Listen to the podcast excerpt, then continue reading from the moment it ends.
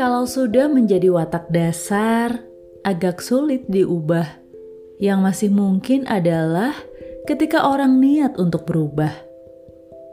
Orang lain hanya bisa menginspirasi atau mengingatkan, meski jarang orang yang mau berubah karena diingatkan orang lain, sebab membutuhkan kebesaran hati untuk mau mengakui kesalahan atau kekurangan dan belajar dari yang lain.